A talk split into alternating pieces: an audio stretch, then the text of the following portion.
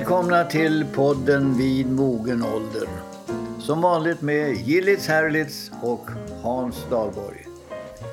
Välkommen hit till Knivsta Gillits. Tack, tack, tack. Du har varit ute och kört ganska länge idag. Ja, Ganska långt.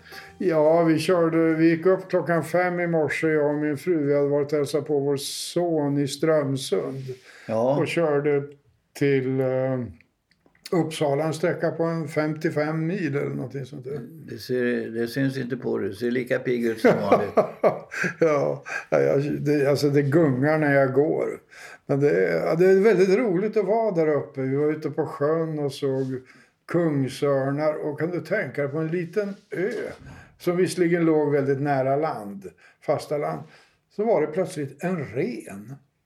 Ja, hade den gått över på isen eller? Nej, den hade vadat över på något sätt. Men, men alltså så fullkomligt oväntat och så isolerad från övriga renkamrater man kan tänka sig. Det var ovanligt. Och så såg vi ja, som sagt lite kungsörn och vi såg lite av varje. Vi var ute och letade björn men det hittade vi ingen. Tyvärr, tyvärr. Men det var roligt. Jag hörde några saker där uppifrån om glesbygd, att bo i norrländsk glesbygd. Ja. Några uttryck. Ett är, du vet att du bor i Norrlands glesbygd. Om du en dag bestämmer dig för att ta en promenad Ja, utan hund och du går ut, du vet att du är i norrländska glesbygden. Om du efter tio minuter har blivit erbjuden skjuts fem gånger.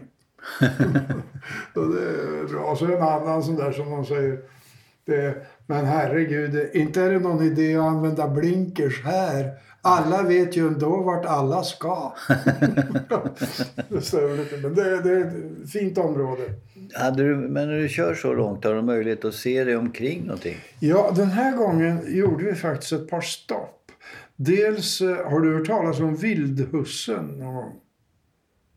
Vildhusse. Ja, jag, jag, Ja. rotar i mitt minne. Ja, det är en man som levde mot slutet av 1700-talet. Och som eh, fick ett erbjudande, eller han fick ett jobb av träpatronerna i Sundsvall. För när timret kom i Indalsälven så var det alltid skadat för det ramlade ner för ett stort vattenfall. Och då ledde han om vattnet. Så att timret inte fick de här skadorna? Ja, men det resulterade i att hela Ragundasjön tömdes på fyra timmar. Oj. Och då uppstod nämligen någonting som heter Döda fallet. Det blev ju Just, dött. ja, ja, ja. Och det är väldigt vackert och spektakulärt. Men sen någonting som är mycket egendomligt uppe i Jämtland. Det är på ett ställe som heter Bispgården. ja och där Döda fallet ligger nära. Där ligger ett uh, thailändskt eh, Exakt. eh, tempel. Ja, det ser ut som en pa- pagod, men, men det är det väl inte. Det är gjort... Det byggdes eh, 1997, 100 år efter det att dåvarande kungen av Thailand, eller Siam som det då Siam hette, heter det, ja. var, besökte världsutställningen i Stockholm 1897. Och kung Oscar II ville erbjuda, det här var en demokratiskt orienterad kung, mycket populär och omtyckt i Thailand, progressiv. Någonting annat så genom vissa, diverse strapatser så, så färdades de hela vägen från Stockholm upp till eh, Bispgården i Jämtland. Och där var han och hundra år senare bestämde man sig för att hedra minnet. Och då byggde man, byggde man vad man kallar en thailändsk paviljong. Paviljong. Mitt, mitt ja, ja, i skogarna. det ligger väldigt vackert. Jag har sett det, den. Ja, ja. Ja, visst. Men det är egendomligt. Mycket egendomligt. Ja, det är kul. Har det kommit någon mail då? Ja, du kommer väl ihåg att i förra podden talade vi som hastigast om eh, pseudonymer. Just det. Och vi har fått ett mejl från en som vill kalla sig inbiten poddare. Det får betraktas som en pseudonym. Nom de guerre. Eh, som har hämtat lite artistnamn. Ja, få höra. Ja, Cary Grant exempelvis. Archibald Leach. Och John Wayne. Ja, Morrison eller vad Ja, Marion Morrison hette han. Och John Denver hette John Deutschendorf. Och Doris Day heter Doris van Kappelhoff. Och vi har ju många fler, men alltså jag uppfatt, uppskattar att den här inbitne poddaren gör en distinktion mellan artistnamn och pseudonymer. Ja, nämligen att pseudonym, då döljer man någonting. Just det. Men artistnamn, det är någonting man vill komma ut och Exakt. marknadsföra. Ja, och det är klart, det kanske är svårt alltså med ett namn som Doris van Kappelhoff. Doris Day är mycket mer slående, absolut. Ja, det namnet känner man ju igen. Men vi har många sådana här, jag tänker, alltså även fotbollsspelare har ju artistnamn. Pelé, kommer du ihåg Pelé och Garincha? Pelé heter Edson Nascimento. Ja, Edson Arantes do Nascimento. Okej. Och Garincha, alltså det här är för er som inte var med. Det här är fotbollsspelare som var kända över hela världen i det brasilianska fotbollslandslaget 1958. Garincha heter Manuel Francisco dos Santos. Men du nämner någonting annat, nämligen också non de guerre. Och det där tror jag kommer ifrån franska armén. Och jag menar, vi hade också non de guerre i Sverige, det här, de indelta soldaterna. Ja, De hette ju inte Johansson Nej, och Svensson nej, och Hansson nej, utan de fick Hurtig och Frisk och eh, och Rask och Kry. Rask och Kry tills det gick tokigt. Ja, ja, just det. Det var klatschiga namn som man kunde ropa. Det längsta nom de guerre som jag har rotat fram det heter Mohammed Abdelrahman Abdelraouf Arafat Al-Qadera Al-Hussein. Och det är alltså Yassir Arafat. Kan tänka när hans, hans mamma ropade på honom om de skulle komma in och Ja, äta det, middag. de, om de som var i skyttegravarna. Han blev ju bombad innan han fått, hade ropats in. Ja. Men det finns många sådana här, hur du, kända, eh, kända personer. Danny Kaye hette Daniel Kaminski. Och Dean Martin, Dino Crocetti. Och som du sa, Bob Dylan, Robert Zimmerman. Men du, hur är det med en sån som Arnold Schwarzenegger? Han, det, det, Det kan var ju- ett illa valt namn tycker jag. ja, det måste, ha varit- det, han måste heta det. Ja, det tror jag. Men Jan Fridegård hette inte Jan Fridegård. Nej, han heter Johansson. Ja, Johan Fridolf Johansson. Men du, sen har vi de här riktigt uh, tunga namnen. Lenin Ja, visst. som heter Vladimir Iljitj Uljanov. Ja. Och Stalin som hette i efternamn Djugashvili. ja. Ja. Och uh, Jola Bero. Vet du Ja, vad det är? Vår främsta Jajamän, trollkonstnär. Roland Johansson. Det går ju inte. Det går inte i Las Vegas. Känner du igen trollkarlen Göte? Ja, det är du. Jag har Ja, sett på något kalas du klippte slipsen av någon. just det.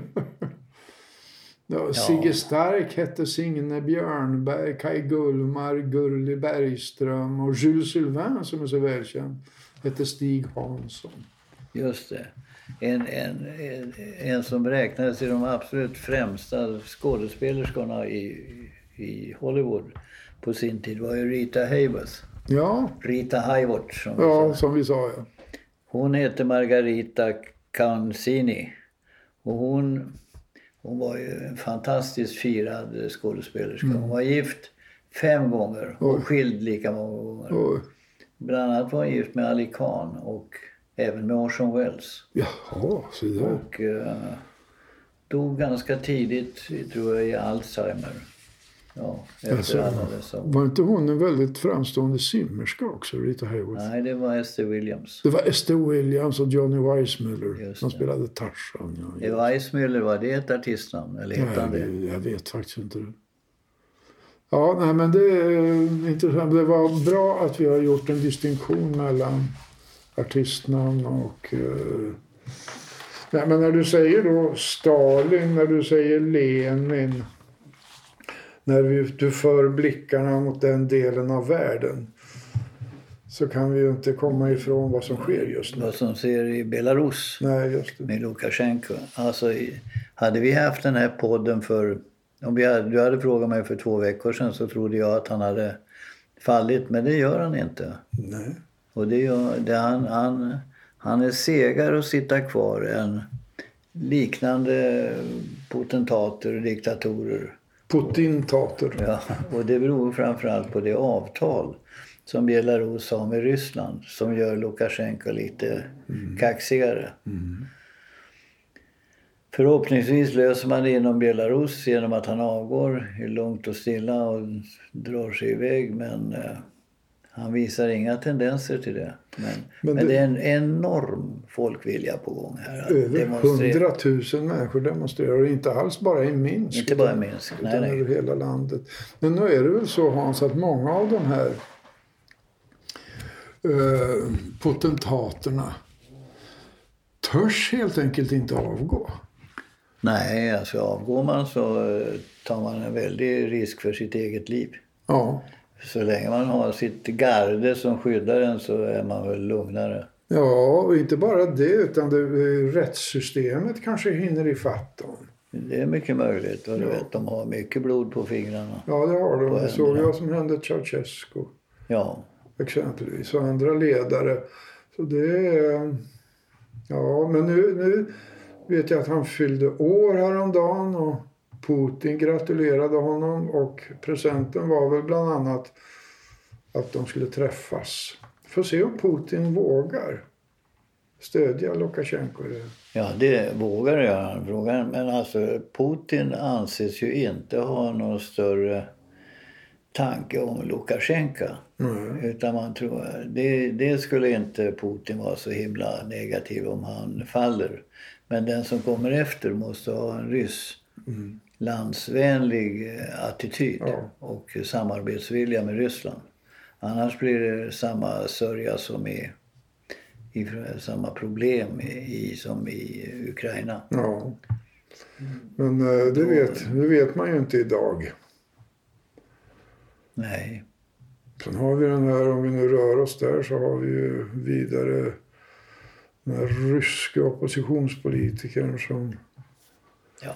Han är naturligtvis, naturligtvis förgiftad. Ja, det är också väldigt intressant att läkarna på det sibiriska sjukhuset där han togs om hand akut hävdar att de inte har hittat något gift överhuvudtaget. Och, och, och tyska läkare gör det direkt.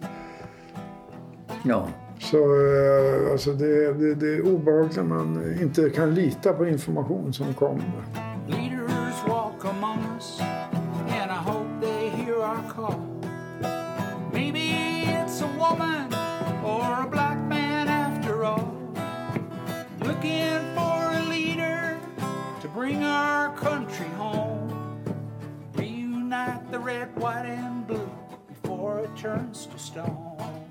Du eh, tog upp en undersökning eh, som hade gjorts om de norska, norska journalister.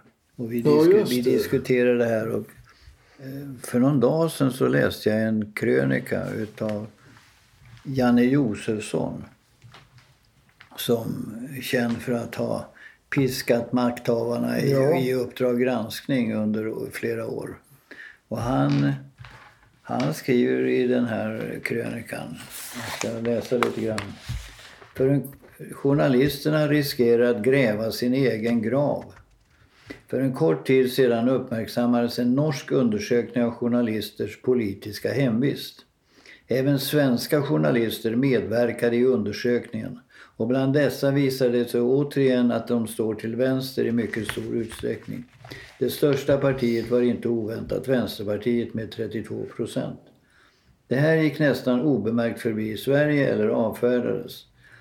Både journalistkåren och chefer kritiserade, kanske med rätta, hur undersökningen gjordes eller att resultatet ändå inte påverkar hur svenska medier skildrar verkligheten. Och det var väl ungefär ja. det vi tyckte ja, också. Ja. Fast jag vill påpeka att vi tillhörde inte de som, som eh, nonchalerade undersökningen. Vi journalister ska vara konsekvensneutrala och publicera oavsett vem det gynnar eller missgynnar. Men lever vi verkligen upp till detta? Jag och alla andra journalister är inga robotar. Och fullständigt objektiv journalistik finns inte. Och vem kan jag lita på? Vad är bra journalist, journalistik? Vad är sant, oberoende och fritt? Och eh, han åberopar då också ett sommarprogram av Ola Wong som påstår då att eh, i en skakande berättelse om ett medieklimat som ett mentalt fängelse i vårt land. Reportrar är mer propagandister och aktivister förklädda till journalister. Jag delar inte hans helsvarta bild men det finns åtskilligt som gör hans varningar bör tas på allvar. Mm. Och så tar han särskilt upp då Åsa Linderborg i Aftonbladet.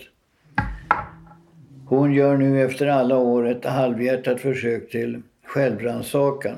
Hon erkänner trots allt, vilket är häpnadsväckande, att hon var med och skapade den så kallade åsiktskorridoren som hon tidigare så kraftfullt förnekat. Hennes kultursida var ju med om att bygga taggtråd längs korridoren. Det är hårda ord. Ja. Måste jag säga. Och sen, ja, det är en lång an- antalet exempel här. Jag frågade en gång på ett så kallat grävseminarium inför kanske 300 till 400 journalister om någon av dem ansåg att vi tagit emot för många flyktingar och invandrare. Ingen, inte en enda räckte upp handen. Det kan bero på att ingen vågade eller ville. Men det kan också vara så att ingen hade en sån uppfattning. I så fall är det en grupp som är totalt icke-representativ jämfört med den svenska befolkningen i stort. För att eh, där är det väl kanske 70, 65-70 procent Ja. som säger att, det, att det för, vi kan begränsa det hela. Ja, och sen återstår ju frågan, kommer detta att speglas i journalistiken? Jo, Ja, det, det är väl ofrånkomligt så att man väljer och väljer bort bland nyheter och ämnen man behandlar. Ja, det är det Josefsson säger, att ingen är en robot utan alla präglas av sina värderingar. Mm. Och vi pratade om forskningen är ju likadan. Ja, visst. Fast i forskningen är du skyldig att redovisa din teori. Men under alla omständigheter tycker jag en sån här artikel manar till vaksamhet. Men du, får jag testa dig på några ord Hans? Och, så, Ja. och så säg dina, dina tankar, är de positiva, Ja, negativa ja. eller värdeneutrala? Okej, Vad säger du om ordet eh, vagabond? det är positivt. Ja, Låter lite livsbejakande. ja lite bohemiskt. bohemiskt, ja. Landstrykare, Nej, det är dåligt. det är dåligt. Varför då? Ja, det är någon som stryker omkring. alltså en som inte går rakt och eh, tydligt utan Ja. det är något eh, obehagligt över det. Ordet vägarnas riddare, Ja, det är ju bara tjusigt. det är bara tjusigt. Ja, visst. Lösdrivare. Ja, det är ju precis som landstrykare. Ja. Och så allt, allt det här är begrepp som har använts för en grupp som inte är särskilt mycket studerad i svensk forskning. Jag menar luffarna. Luffarna. Och luffare, själva ordet luffare är relativt nytt, det är från 1890-talet. Man tror att det kommer från eh, tyska ordet laufen, för springa. Jaha, det, men det gör de inte. Nej, det är det de inte gör. Och det här är, alltså det var en stor grupp människor det, men en, en grupp som dök upp i större antal ungefär från 1870 fram till eh, ja, andra världskriget ungefär. Alltså på den tiden det var bondesamhälle i Sverige. Ja. Och, Alltså, ett- jag kan bara säga att i prästgården i Säter. ja, du har vi träffat är- på luffare. Ja, de kom ju. Det var många luffare som kom. Jag kommer ihåg en som heter Johansson. Han hade långt vitt skägg och han hade en oerhörd förmåga att buga djupt. Alltså han, när han böjde sig fram och bockade sig så svepte hans vita skägg i golvet. Och han såg ut som en eh, ortodox eh, präst på något sätt. Och han, jag kommer ihåg han kom på min mors 50-årsdag. Som han, han kallade henne alltid för fru pr- prästinnan. Och, fru, och han bara trängde sig in och slog sig ner i köket. Och ville ha ett skråmålmat och eh, han gav sig inte förrän han fått mat och en tia i handen. Och han, han kom relativt regelbundet.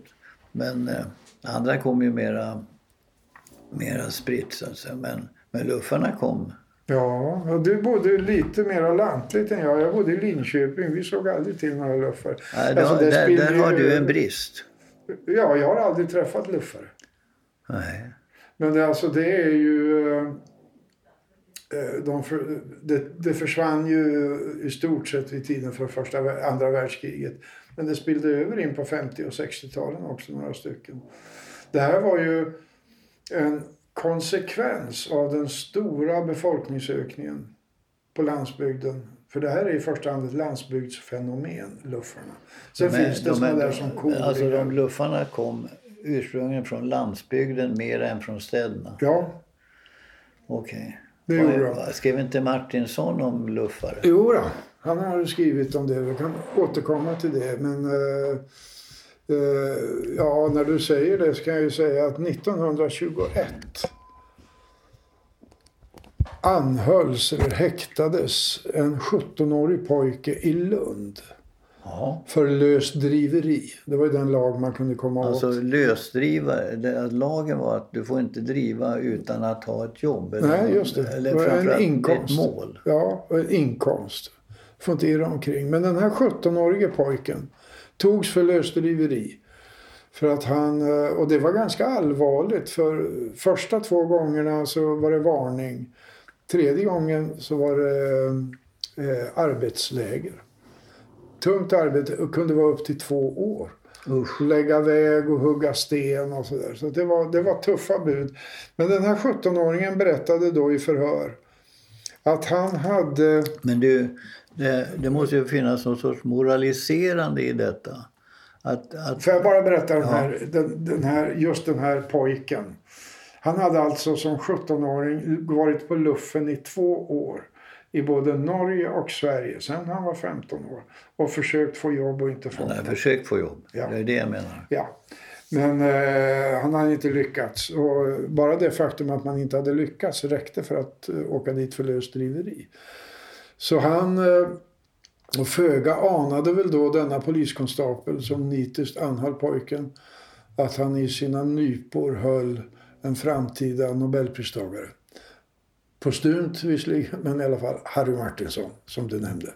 Han skrev om det här. Ja, precis. Han skrev Vägen till klockrike. Bolle. Ja, just det. Luffaren Bolle och hans kamrater. Men han gick på luffen. Alltså, så han hade verkligen hård livserfarenhet när han skrev. Men luffarna drevs ut. Skiftesreformerna på landsbygden drev bort många. De fick inte plats helt Nej. enkelt. Mekaniseringen av jordbruket gjorde att man inte behövde så mycket arbetskraft. Och folk drev ut på vägarna. Och då dök behovet av att ge dem ett namn, nämligen luffare på 1890-talet. Men den riktiga explosionen av kringströvande människor kom på 20 och 30-talen när arbetslösheten ökade. I depressionens kölvatten. Exakt så. Och de drev omkring och, och var ju väldigt oorganiserade. Har man trott och ansett. Men det visar sig att de höll, har hållit tre riksdagar. Luffarriksdagen. Luffarriksdagar. En eh, 1921 i Heby och två 1933. En i Borlänge och en i Heby. Och då visade det sig när man går igenom det här att det var ofta syndikalister som organiserade det här. Och drev, drev krav på, på allt möjligt. Sociala tryggheter och rätten till arbete och allt möjligt. Och bar hela vägen upp till regeringen. Men har man inte romantiserat också en hel del om luffarlivet? Är parad, jag tror att många, om du säger ordet luffar idag i Sverige, tror jag många associerar till, Tågluffare? ja just det, till Paradis-Oscar. Som förekom i Rasmus på luffen. Ja, En historia och filmer av eh, Astrid Lindgren. Där Allan Edwall har spelat luffaren i en film och Åke Grönqvist i en annan. Grönberg. Grönberg heter han ju. Åke Grönberg heter han, förlåt. Ja. Ja, så att, men den romantiska, och så finns det ju massa skämt om dem. Albert Engström var ju fantastisk på att skildra Kolingen och Bobban och de här. Ja, jag kommer ihåg en liten historia när två luffare sitter i solskenet, äter varsin limpsmörgås med en svettig ostkant på. Och så sitter de där och tuggar och så säger den ena plötsligt med hänsyn till vad vi pratade om nyligen. Känner du Rita Hayworth? Nej, har hon sagt det?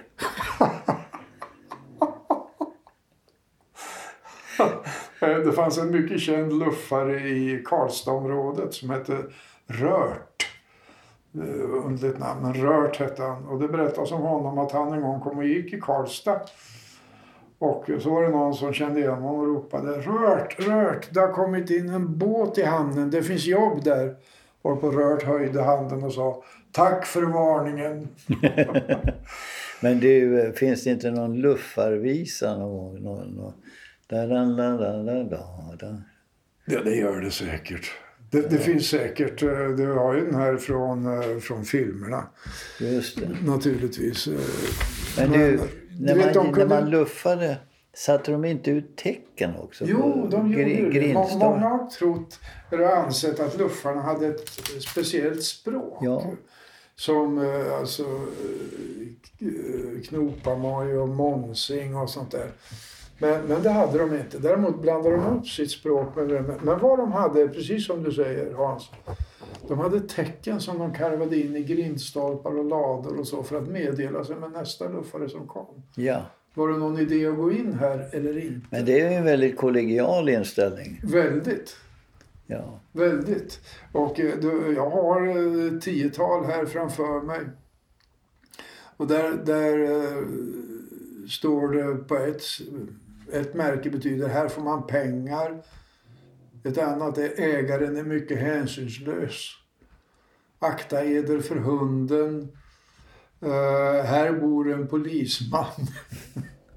Och ett är ingenting att frukta. Var blott efterhängsen.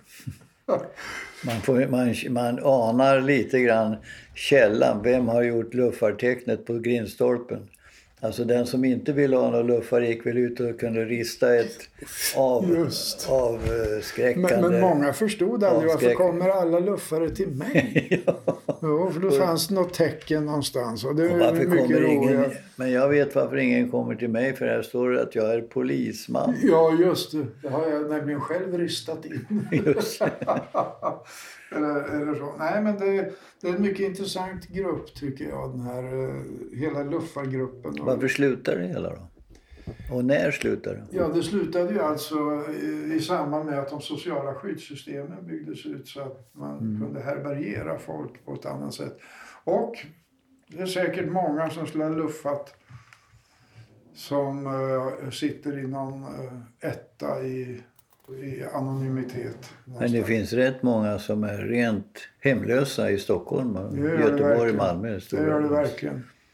Så att eh, själva grunden för lufferiet finns ju kvar. Ja. Men vad sov de? De låg på höskullarna. Ja, höskullar och lador. Och de fick, eh, väldigt populärt var gamla tegelbruk med varma ugnar. Ja, Där ja, de ja. kunde ligga och sova. Och så så att det var, det var nog ett tufft liv. Och inte så romantiskt som, eh, Man kan. Nej. nej, som man har skildrat luffare emellanåt. Men det är klart det fanns de som var roliga och, och snärtiga. Andelen med psykiska och fysiska handikapp eh, bland luffarna var, var markant. Det är klart. Ja, En, en orsak till att de inte fick jobb. ja visst.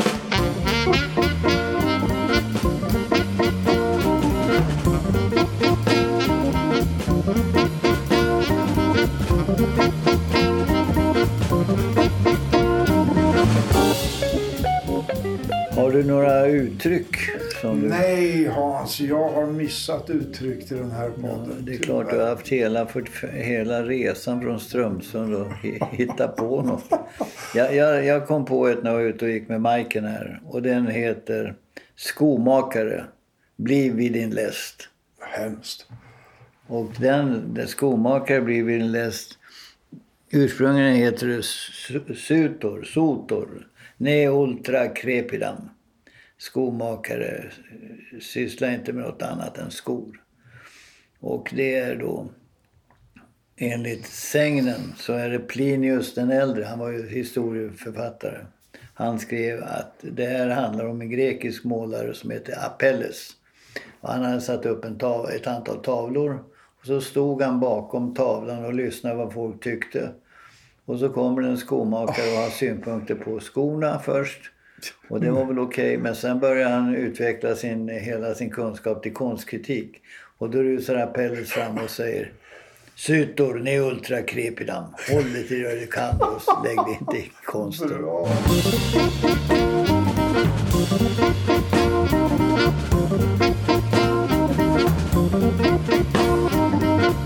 Ni